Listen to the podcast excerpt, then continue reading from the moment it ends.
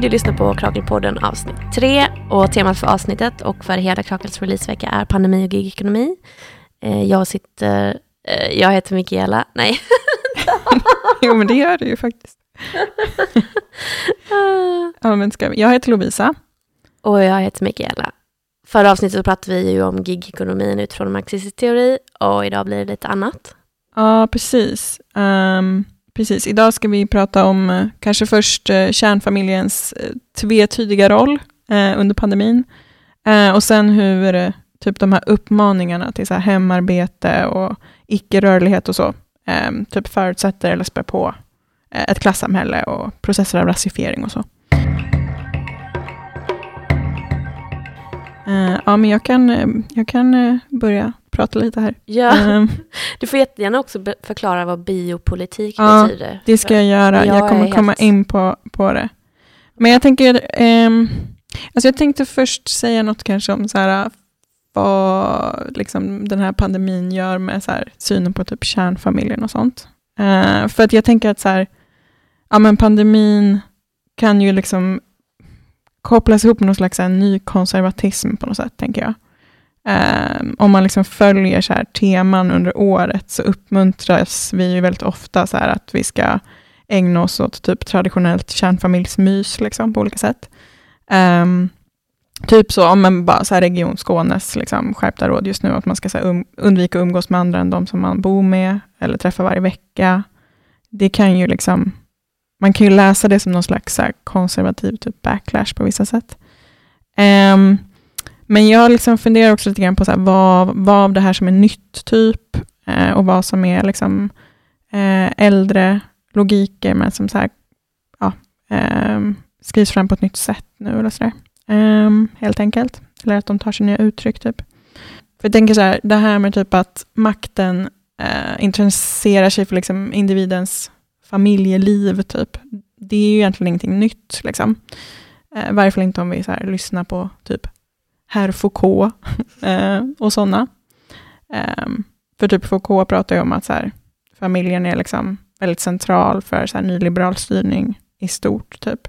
Eh, konkurrens, alltså liksom, marknadens grundläggande princip förutsätter ju eh, liksom statlig styrning och att liksom, konkurrens försäkras liksom, på olika sätt genom att man kontrollerar olika delar av det sociala livet. Eh, och även då i den liksom traditionellt sett privata sfären, så, som typ familjen eller, eller bostaden och sånt där. Alltså, man måste typ helt enkelt se till att så här, individer fostras eh, in i liksom, eh, roller som värnar konkurrensen, typ, kan man väl säga. Eller värnar marknadens spel.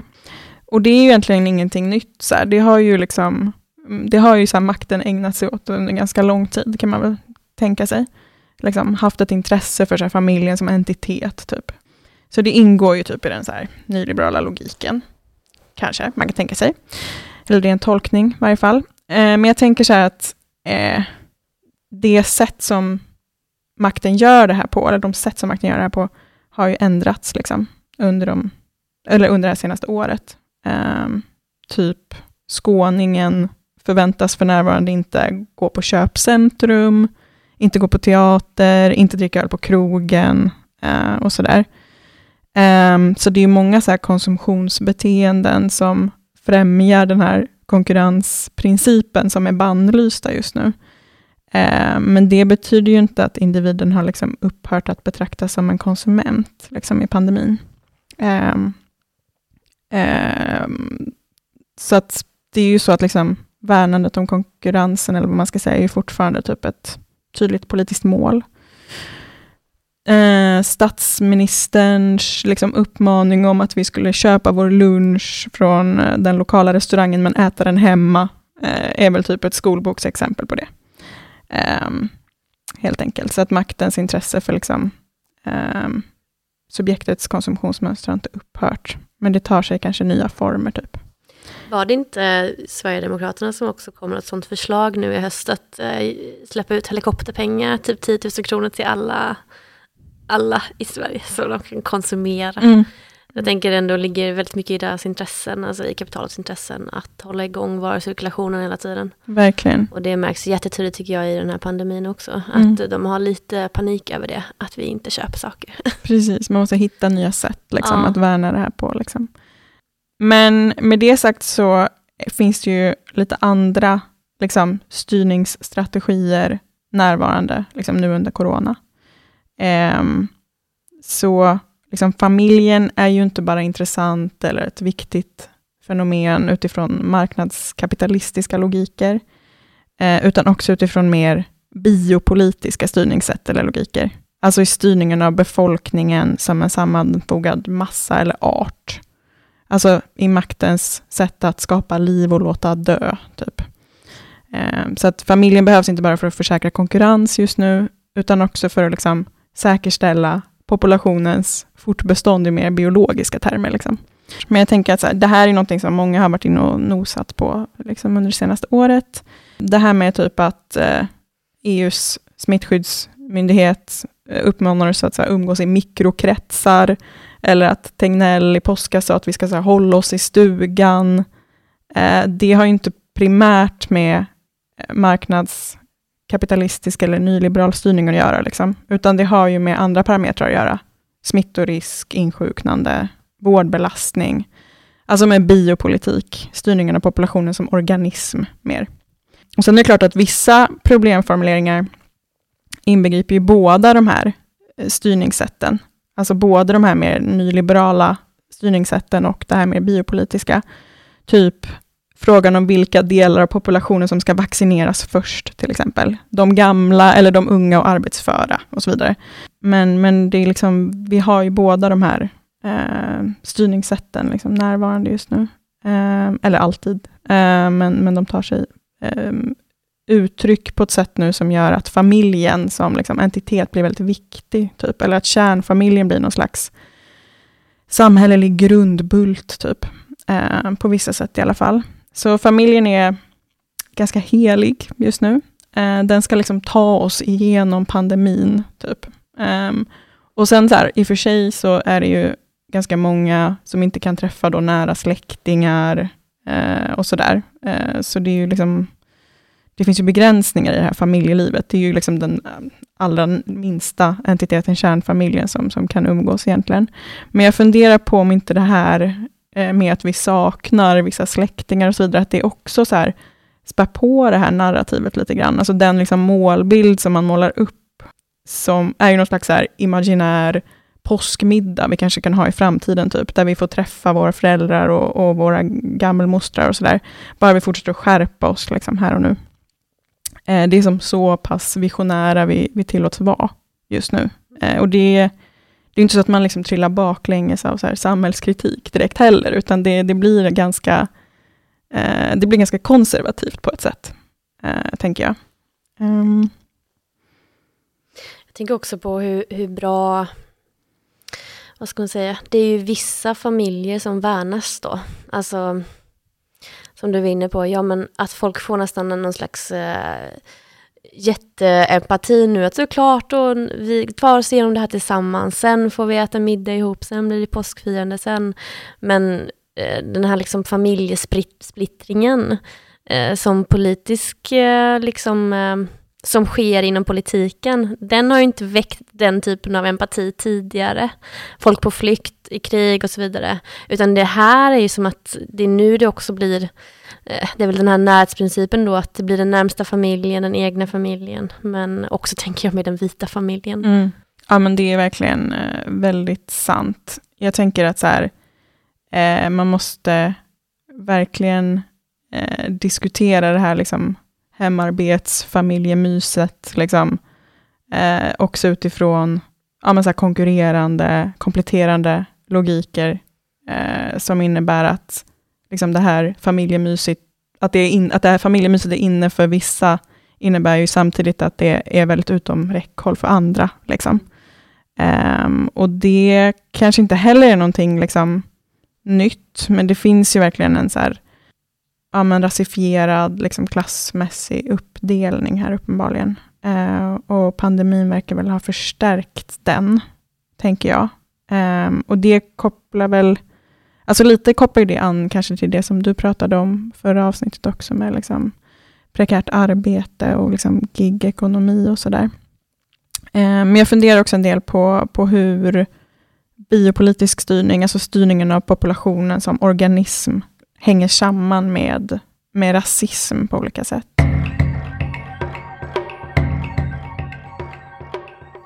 Men ja, man kanske ska säga någonting om liksom biopolitisk styrning och så, och vad det är.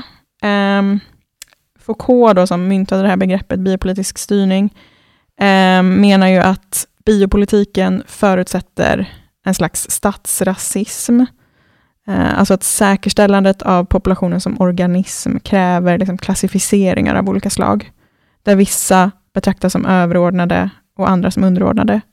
Och Det här sker genom att explicit och implicit dela upp befolkningen i föreställningar om raser, kan man säga. Ehm, och så att om så här, suveränens makt för länge sedan handlade om en rätt att så här, döda den man vill, så, så innebär biopolitiken att makten har en rätt att skapa liv och låta dö.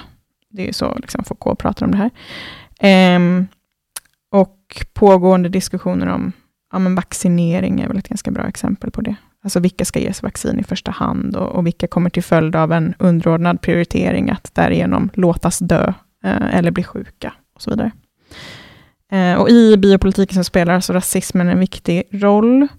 Eh, för att eh, man kan säga att den biopolitiska makten ägnar sig åt en slags ständig liksom, fragmentering av populationen. Alltså man delar upp befolkningen i subjekt vars liv är önskvärda eh, och vars liv är mindre önskvärda på olika sätt. Um, och det är inte så att man ska förstå liksom, död här, så här väldigt bokstavligt, alltså i så här mordiska termer, utan det kan också handla om indirekt död, alltså som att öka dödsrisker i förhållande till vissa individer eller grupper, eller att vissa grupper förvisas eller avvisas från en stats territorium och sådär. Så att eh, ja, biopolitisk styrning menar för varje fall Foucault och många andra då, är alltså sammanfogad med rasism och funktionssättet hos en stat då egentligen. Så att staten är typ tvungen att så här, utplåna eller rena eh, rasen, eller liksom den förmenta rasen, för att kunna utöva sin suveräna makt. Eh, och är alltså beroende av rasismen för att kunna ja, tillvarata makten över liv och död helt enkelt. Eh, och så här, oavsett vad man tycker om, om den här analysen av, av Foucault, liksom, så verkar ju pandemin i varje fall ta sig uttryck på så sätt att den slår hårdare mot vissa delar av befolkningen. Um, och alltså ett väldigt tydligt exempel som har diskuterats är ju, ja men i Stockholm till exempel, så är ju personer som har invandrat till Sverige överrepresenterade bland dödsfallen till exempel. Eh, alltså dödsfallen till följd av pandemin. Ehm, och det kan man ju kanske till exempel koppla till det, att det svenska liksom, klassamhället är präglat av rasifieringsprocesser till exempel. Att personer som har invandrat till Sverige i högre grad än andra personer har arbeten som inte är kompatibla med hemarbete till exempel, som kräver pendling och så vidare. Bor trångt. Precis, trångboddhet. Men eh, jag tänker att man kan fundera också på om det liksom inte finns eh, ja, men fler exempel på, eller från det här liksom pandemiåret, på att statsrasism um, utgör en del av liksom biopolitisk styrning. Um, för sen någonting som jag har funderat en del på till exempel, uh, det är ju den här uh, SOUn som kom för ett par månader sedan om en långsiktigt hållbar migrationspolitik till exempel. Um, så att efter, ja men vad det nu är, typ mer än fyra år av så här, lappa laga migrationslagstiftning som någon slags respons till ett så här förment nödläge och sådär, så håller ju regeringen på att förbereda en då så kallad mer hållbar migrationslagstiftning. Um, och det här förslaget är ute på remiss nu ju. Um, och Ehm, det innebär ju, eller hela det här förslaget innebär ju att ehm, många av de här liksom, tillfälliga restriktionerna ska göras permanenta liksom, på olika sätt. Och jag tror att man kan fundera på om det inte är så att vissa av de här förslagen typ framstår som liksom extra rationella eller blir liksom särskilt välkomnande just i en sån här liksom pandemisk biopolitisk samtid. Um, alltså att så här, förslaget är ganska förenligt med sånt här uh, biopolitiskt mindset. Typ. Ja, men till exempel då förslagen om att göra uh, uppehållstillstånd tillfälliga som huvudregel. Att göra reglerna om familjeåterförening uh, fortsatt väldigt strikta. Att ställa en mängd olika försörjningskrav på nyanlända personer. Um, det, alla de förslagen innebär ju liksom dels eh, exkludering i mer så här, territoriell bemärkelse. Eh, alltså regeringen hoppas att, att ehm, den här lagstiftningen ska göra så att personer söker asyl i andra länder helt enkelt. Ehm, men dels genom liksom de här försörjningskraven till exempel, också en slags exkludering i form av typ inkludering med förbehåll på något sätt, där så här nyanlända personer förväntas utföra arbeten som krävs för att det här svenska hemarbetesfamiljemyset ska kunna fortgå. Typ. Mm. Um, arbeten inom sådana sektorer alltså. Um, kanske, eller jag, det är liksom en tanke jag haft. Jag menar, mm. uh, ja. Alltså, jag tycker det också är så intressant när man pratar om just migrationen, att man talar liksom så sällan om varför folk flyr. Eh, att de flyr på grund av vårt samhällssystem, liksom rotat i ekonomiska orsaker. Att man flyr från länder som vi har exploaterat, eh, oljeproducerande länder, länder med råvaror, länder med klimatförändringar. Eh, och så flyr de hit, till oss som kör bilen, bär kläderna, äter maten. Så liksom imperialismens struktur blottläggs så himla tydligt. Liksom. Ja, och det är liksom, det är i sig ganska intressant. Jag tänkte mycket på det i våras, när det blir en så global kris, att det också öppnar egentligen upp för ett slags ifrågasättande. Och jag tänker att så här, det finns vissa möjligheter, så här, även fast det liksom är skevt att det är det som ska behöva vara så en förutsättning för att vissa diskussioner kanske liksom överhuvudtaget förs, men att en, nu kommer liksom en kris som slår hårt mot liksom väldigt många länder och liksom det globala eh, liksom väst och sådär. Och att det kanske också så öppnar upp på vissa sätt för en diskussion om ja, hur eh, liksom, kapitalismen slår mot olika delar av liksom, världen och liksom, migrationens och flyktens orsaker och så vidare. Men det verkar inte ha hänt så mycket, om man tittar till liksom, hur det politiska samtalet ser ut i varje fall. Man hoppas att det ska höja medvetenheten, men jag tänker att eh, högern brukar ju vara väldigt snabba också på, eh, och fascismen med den, att liksom eh, komma då med sina lösningar på kapitalismens problem, alltså till exempel höjda straff, stängda gränser, ökad militarisering och så vidare. Det ser vi nu också, Sverige rustar ju upp militärt till exempel, mm. eh, och kommer göra kommande åren. Så att jag tycker också det känns som att det går åt andra hållet. Mm. Eh, och att vi får en ännu mer extrem liksom också utmålning hela tiden av den andra. typ. Mm. Jag tänkte också på det du sa med familjen, att det är ju liksom inte... Om man säger så här, familjen också i den kapitalistiska arbetsordningen är ju också helt grundläggande för att den ska fungera, kärnfamiljen. Kvinnan som liksom obetald eh, i hemmet och mannen i produktionen. Eh, och barnen som sen också ska fostras upp till goda liksom, arbetare.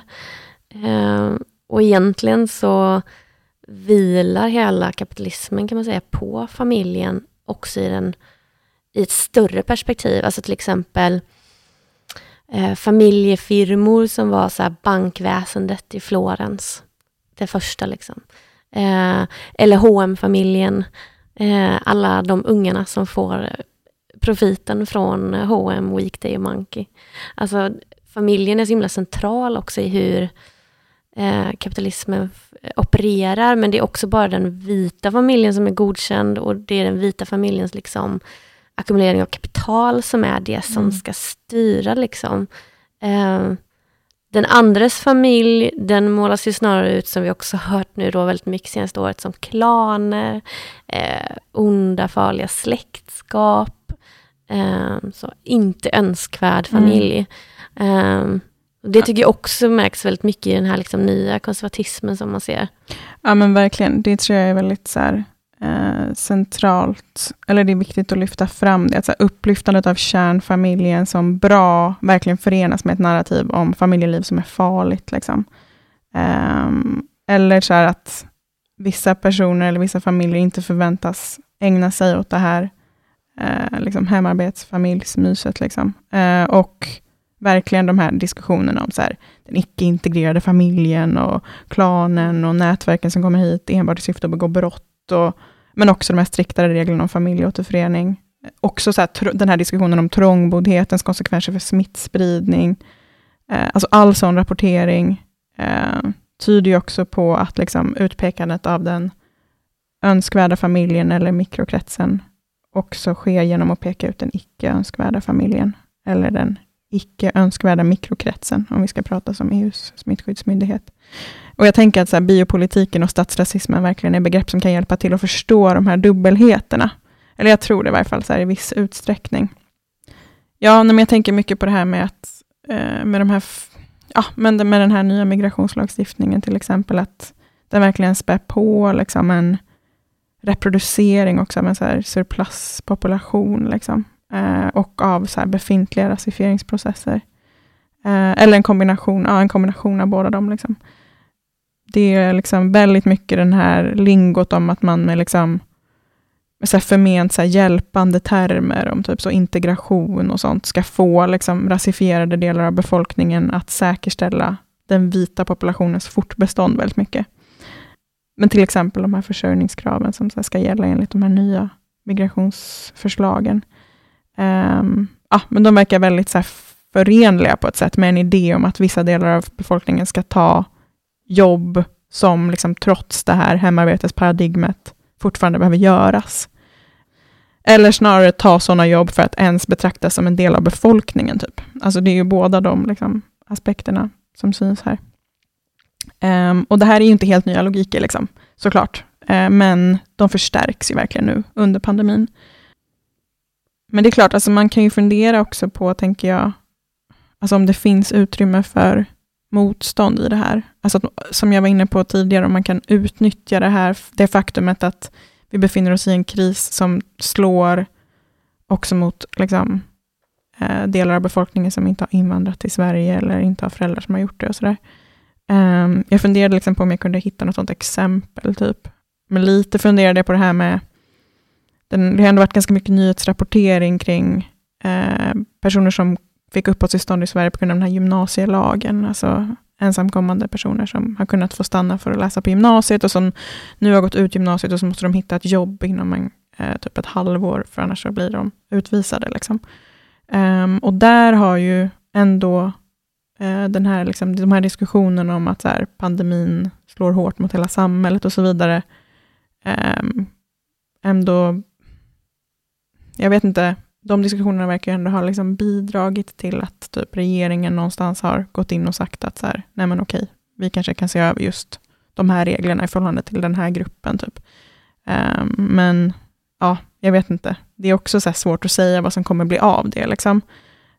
Um, det skulle ju typ kunna bli, eller det skulle kunna finnas en risk att regeringen faller in i lite så samma narrativ här kanske. Alltså att problemet framas som att det är dumt att personer utvisas eftersom att de skulle kunna ta vårdarbeten och andra arbeten som mm. möjliggör hemarbete och så vidare. Liksom. Eh, att de ska liksom typ, de kanske kan stanna här och ta hand om typ den svenska populationen. Typ. Alltså det är väldigt hypotetiskt. Jag vet inte hur liksom, det här lingot kommer bli, eller liksom hur, hur man kommer presentera de nya förslagen. Så. Men ja, det finns ju en risk att även de tar liksom, avstamp i någon slags här, mm. avskiljande snack, liksom, eller så, tänker jag. Uh, men vi får se vad som händer. Alltså en annan grej som jag tänker är central kring det här med typ så här statsrasismen och biopolitiken, det är väl kanske det kan vara intressant också att titta på eller fundera kring hur så här, viet framställer sig självt på ett sätt under pandemin. Uh, alltså hur de här alltså hur överordnade positioner beskrivs också. Att det är också en del av, av statsrasism och biopolitik. Um, jag typ, det, fan, eller det var ett ganska så övertydligt exempel i Svenska Dagbladet i lördags, tror jag att det var uh, som hade rubriken, och det handlade om Finland, men jag tänker att man har sett så liknande exempel typ hela året. Liksom. Men det handlade om Finland och rubriken var var tredje finländare trivs bättre under restriktioner. Uh, och I den här artikeln så framkommer det i alla fall att uh, Finland, som ju var typ tidigt med att införa ganska mycket restriktioner och sådär för att stoppa smittspridningen, att de också ligger i topp i en undersökning kring hur EU-invånare har anpassat sig till coronarestriktioner. Så en av tre finländare tycker att livskvaliteten har förbättrats genom de här restriktionerna, jämfört med bara 11 procent eh, i Sverige. Ehm, och sen, det konstaterar man ganska tidigt i den här artikeln, och sen så ägnar man sig, liksom resten av utrymmet ägnas åt att eh, fundera ut, eller ben, försöka bena ut med hjälp av eh, liksom, finska samhällsforskare, varför det ser ut så här. Alltså varför finländarna är nöjda, eller nöjdare än svenskarna. Um, och så här, fair enough, det kan man väl göra. Det är ju liksom ganska många intressanta frågor som väcks här. Eh, liksom eh, typ varför är det gött med restriktioner, eller varför tycker en av tre att det är gött med restriktioner? Två av tre tycker ju uppenbarligen inte det. Då, så eh, men hur omorganiseras liksom livet? Eh, hur förändras prioriteringar, drömmar, begär, behov och sådär? i en liksom pandemisk samtid. Det är ändå så här, det är ganska intressant. Liksom. Eh, men det är liksom inte någonting sånt man diskuterar, liksom. eh, utan både liksom SvD och de här forskarna som man intervjuar, de faller liksom direkt in i någon slags deduktiva liksom folksjälsresonemang. Och där tycker jag man har så sett så himla mycket under det senaste året, där man liksom drar samband mellan liksom finländarnas upplevda ökade livskvalitet och finländarnas förmenta så här, essens. Typ. Eh, det var liksom väldigt många sådana formuleringar i den här artikeln, typ att resultatet kan delvis förklaras med finländarnas personlighet. Vi är överlag ganska nöjda med att bara vara hemma. Eh, eller typ, i och med corona flyttades exempelvis i stort sett alla stora konferenser till nätet och många har nog tyckt att det är jätteskönt att slippa det small talk som ingår i sådana möten. Ehm, det här med att hela tiden mingla och nätverka faller sig inte riktigt naturligt för alla finländarna, äh, finländare. Um, och typ artikelförfattarna är också inne på att så här, Finland håller koll på hur man förhåller sig till andra länder och att det har funnits visst incitament uh, i att Finland har klarat coronakrisen så mycket bättre än Sverige. Uh, så att så här, slutsatsen som presenteras är alltså att en del finländare mår bättre under restriktioner, dels med hänvisning till en finsk så här, folksjäl, dels um, med hänvisning till någon slags tävlingsinstinkt, eller liksom, jag vet inte, instinkt eller någonting. Eh, och typ en rädsla för small talk och en vilja att hänga hemma. Typ. Um, och jag menar, det är inte så att mitt syfte med att liksom bara liksom anekdotiskt berätta om den här artikeln är ju liksom inte att jag vill så här, ifrågasätta all personlighetspsykologi, eller typ ifrågasätta studier om skillnader i förtroende till myndigheter mellan olika länder, Eh, eller vad vet jag, så här, det faktum att Sverige är någon slags referenspunkt eh, på grund av den historiska relationen mellan Sverige och Finland, whatever. Eh, men jag tycker bara att det är så intressant att liksom en sån extremt bred och mångfacetterad fråga som varför mår en del finländare bättre under lockdown, så snabbt tar den riktningen, liksom, mm. mot frågor om förment finskhet och indirekt också ras. Liksom. Mm. Och att det här verkar så här, rimmar rätt väl med eh, påståendet att liksom biopolitisk styrning, eh, pandemisk styrning, inbegriper någon form av så här mys kring liksom ras och folksjäl och sådär. Um, och jag tänker som sagt att Finland är liksom långt ifrån det enda exemplet på liksom, den här typen av lingo. Alltså det har man ju sett mm. liksom, så många exempel på så här, från det senaste, eller under det senaste året, tänker jag det väcker så också ganska mycket frågor om så hur viet så reproduceras. Liksom. Vem kan leva upp till den här idén om vad en finländare är då? Liksom. Eh, en finländare är typ en person som är hemma i sin sommarstuga på en onlinekonferens. Liksom. Och personer som inte så passar in i den mallen är inte en del av den finska essensen, eller vad då? Liksom. Eh, det är så många lager i den här typen av sätt att tala på, tänker jag. Uh, och det spär liksom verkligen på en berättelse om viet och då implicit också av, om den andra. Eller liksom de. de hade inga alls liksom materiella förklaringar på det. Typ att, mm. eh, ja men som du sa, man har en sommarstuga, därför mår man bra för att man kan åka till den när det är en pandemi. Nej. Det var inga sådana... Nej, det var mest att de gillade att vara hemma och... De var introverta. Ja, small talk och sådär. eh, liksom. Men så här, den, hela den frågan, bara, är finländaren egentligen en hemarbetare? Typ. Den är så himla problematisk. Liksom. Ja. Alltså den är, den, jag tänker att den också så här, bara är så... Eller den är så, den passar så bra ihop i en så här, den här pandemiska, liksom, biopolitiska samtiden på något sätt. Så det finns så många lager av den här, eh, ja men den här då statsrasismen helt enkelt, tänker jag. Eh, och den tar sig väldigt många uttryck. Liksom. Såklart dels i, ja, men uppenbarligen i direkt död, liksom. men, men också ja, i, andra, på, i andra termer eller liksom på andra sätt. Så. Just det, jag kopierade eh, inför det här så googlade jag ju statsrasism också och såg att han, eh, den danske poeten Jonas Eika Rasmussen, eh, han tog emot Nordiska rådets litteraturpris. Jag tror det här var förra året kanske. Eh, alltså ett sånt jättetungt liksom, pris i Skandinavien. Eh, och då höll han ett tal. Jag kan läsa lite ur det. Eh, då sa han, eh, inför alla nu då på scenen mottog priset för sin diktsamling Efter solen. Jag tror att den rasistiska och islamofobiska nationalism som för närvarande vinner terräng i de nordiska nationalstaterna är beroende av vithet. Och jag ser vitheten som ett arv från det koloniala förflutna som också präglar Norden. Och som ingen av de makter som tidigare har koloniserats och förtryckt ursprungsbefolkningar har visat sig vilja konfrontera. Tvärtom, många av dem visar en vilja att använda sig av den. I Danmark är rasismen både kulturellt betingad och juridisk. I Danmark har vi statsrasism. Men jag talar också till de andra nordiska ministrarna. Också i era länder placeras flyktingar och migranter i sluta, slutna fängelser eller avsides placerade läger. Följaktligen blir de nedbrutna och sjuka. Några försöker ta sina liv. Det var det vi hade för detta avsnittet och ni får gärna följa oss på våra sociala medier och eh, ni hittar allt också på vår hemsida krakelkrakel.com. Tack för idag Lovisa. Tack, tack. Hej. Hej.